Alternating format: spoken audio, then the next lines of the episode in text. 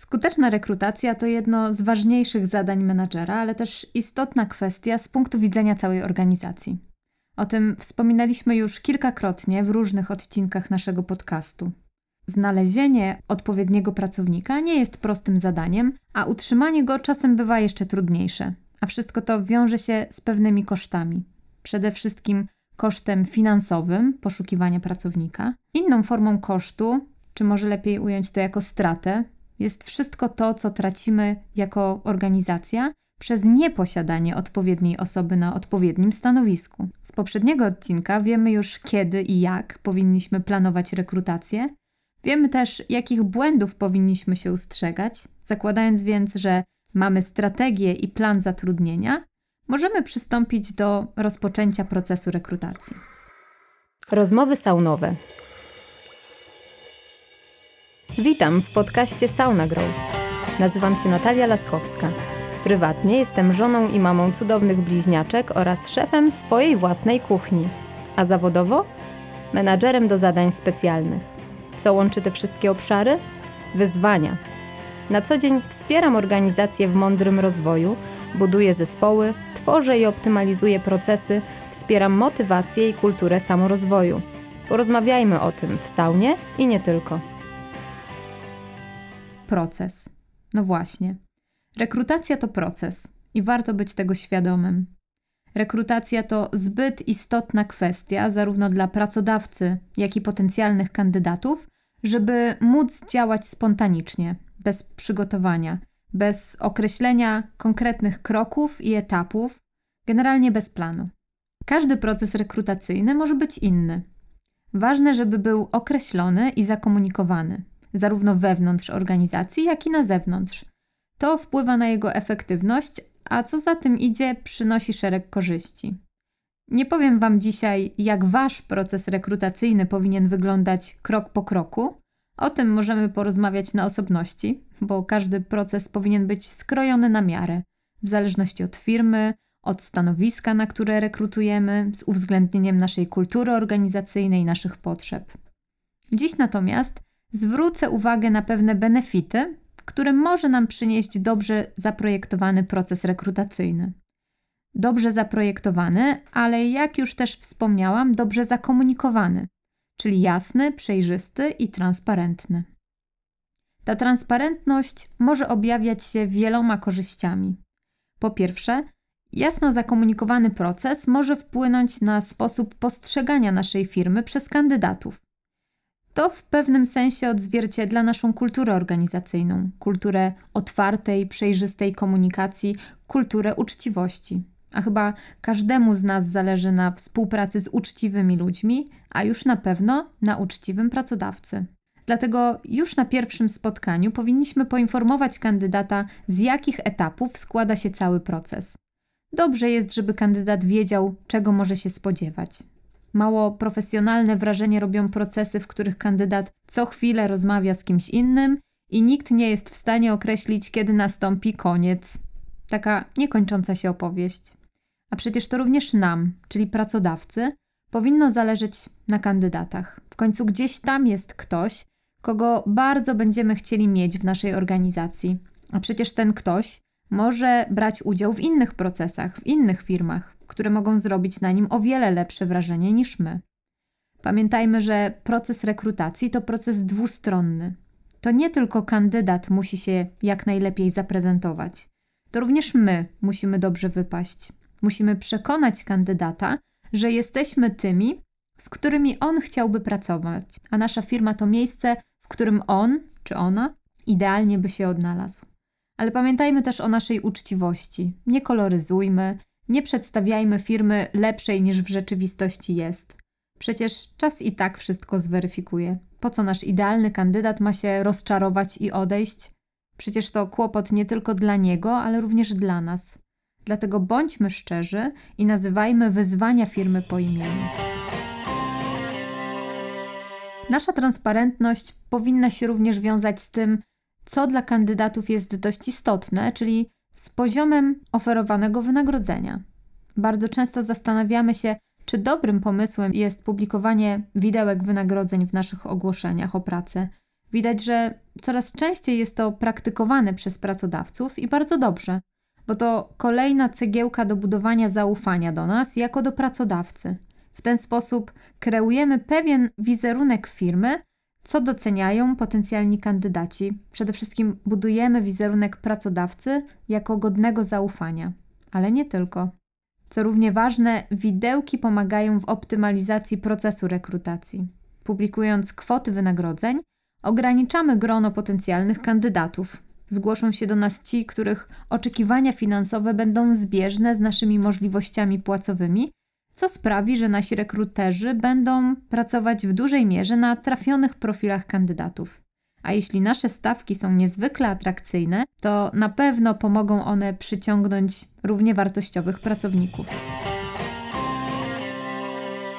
W transparentności ważne jest również to, że stosujemy taki sam proces dla wszystkich kandydatów, że jest on spójny, powtarzalny i niezmienny. Tylko wtedy taki proces ma szansę dać nam wiarygodne wyniki, ale też jest w stanie udowodnić swoją skuteczność. I jeszcze jedno warto dawać szansę ludziom z wewnątrz organizacji, szansę na wzięcie udziału w procesie rekrutacyjnym. Nawet jeśli nie do końca wierzymy w to, że dany pracownik mógłby odnaleźć się w tej konkretnej roli, ważne jest to, żeby miał szansę na wykazanie się. Takie osoby, osoby z wewnątrz organizacji, uczestnicząc w procesie rekrutacyjnym, będą mieli równe szanse z tymi kandydatami, którzy przychodzą do nas z zewnątrz. Taka możliwość sprawdzenia swoich sił jest dla pracowników cennym doświadczeniem, czasem wartościową lekcją, która pokaże kierunki rozwoju tym, którzy mają ambicje na robienie czegoś więcej, a czasem szansą i nagrodą na zmianę ścieżki kariery czy na rozwój w nowej roli. Brak tej możliwości, poczucie pominięcia, na przykład ewentualnej możliwości awansu, może skutkować demotywacją pracownika czy brakiem akceptacji nowej osoby na tym stanowisku, a tego byśmy nie chcieli. Skuteczny proces rekrutacji to oczywiście taki, który zakończymy sukcesem i zatrudnimy najlepszego kandydata. Pamiętajmy, że najlepszy z dostępnych to niekoniecznie najlepszy z najlepszych. O co mi chodzi? Czasami lista naszych kandydatów jest dość krótka i żaden w 100% nie spełnia naszych oczekiwań, ale chcemy ten proces szybko zakończyć, bo potrzebujemy osoby na tym konkretnym stanowisku i decydujemy się kogoś zatrudnić. Idziemy na pewien kompromis, który z czasem może nas sporo kosztować, bo może okazać się, że ten człowiek w 100% nie spełniał oczekiwań podczas procesu rekrutacyjnego, a w pracy odnajduje się jeszcze mniej i odchodzi, albo co gorsza, musimy go zwolnić, a my musimy zacząć proces rekrutacji od nowa, znów poświęcić czas i zasoby, ale też efektywność działań firmy. W końcu ktoś, kto był nam bardzo potrzebny, nie spełnił oczekiwań i znów jesteśmy w punkcie wyjścia. Warto zdawać sobie sprawę z tego, czym są koszty odejścia pracownika, dlatego zachęcam Was do odsłuchania odcinka numer 22 naszego podcastu, w którym właśnie ten temat jest szerzej poruszony.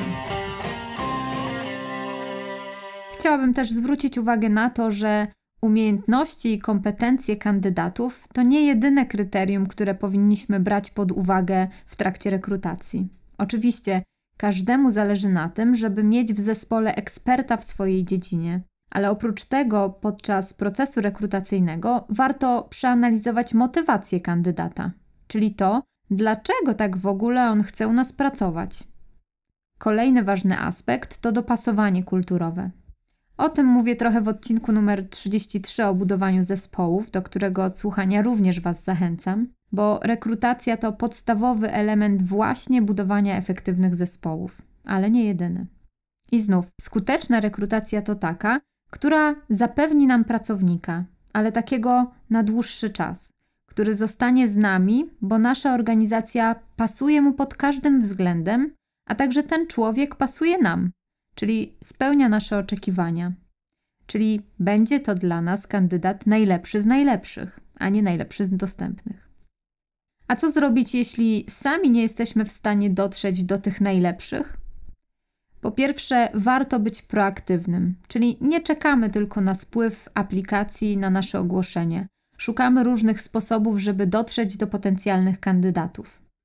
Wśród wielu możliwości, które mamy, dobrą i dość efektywną praktyką jest program poleceń, czyli zaangażowanie naszych obecnych pracowników w proces rekrutacji. W jaki sposób? W taki, żeby zmotywować ich do rozpowszechniania informacji o otwartych wakatach i zachęcaniu kandydatów do aplikowania. Motywatorem tym zazwyczaj jest jakaś premia pieniężna, wypłacana na przykład po trzech miesiącach pracy poleconego i zatrudnionego kandydata. W niejednej firmie sposób ten sprawdził się i spowodował znaczące zwiększenie bazy potencjalnych kandydatów na przeróżne stanowiska. Innym pomysłem jest skorzystanie ze wsparcia specjalistów, czyli na przykład z agencji rekrutacyjnej. Czy ja to polecam? Tak, pod warunkiem, że dobrze wybierzemy firmę czy osobę, z którą będziemy współpracować.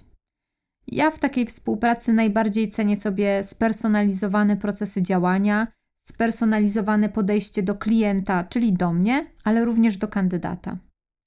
Warto zadbać o jakość takiej współpracy i takich działań, a szczególnie rezultatu, na którym nam zależy. W końcu usługa ta nie jest tania. Ale czy faktycznie? To jest często coś, co nas blokuje. Słysząc cenę za taką usługę, często nie decydujemy się z niej skorzystać, myśląc, że koszt jest zbyt wysoki.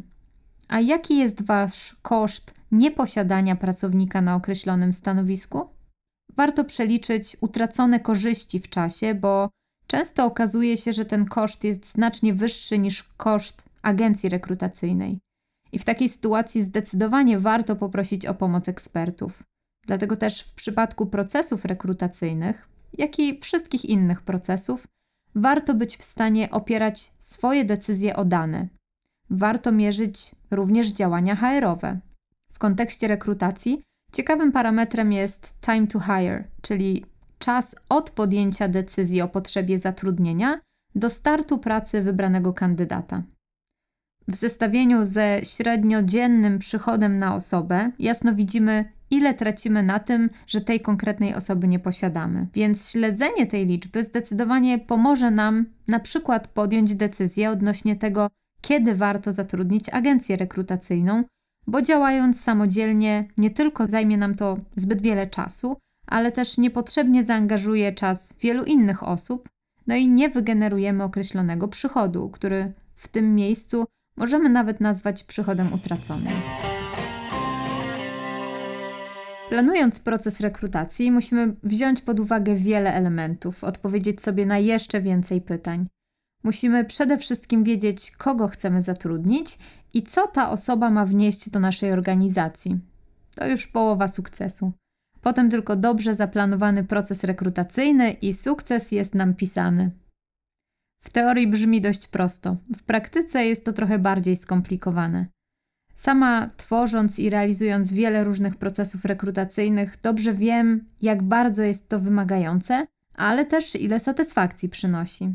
Dlatego chętnie wspieram firmy w tym obszarze, więc jeśli tylko potrzebujecie jakiegoś wsparcia, odezwijcie się do nas.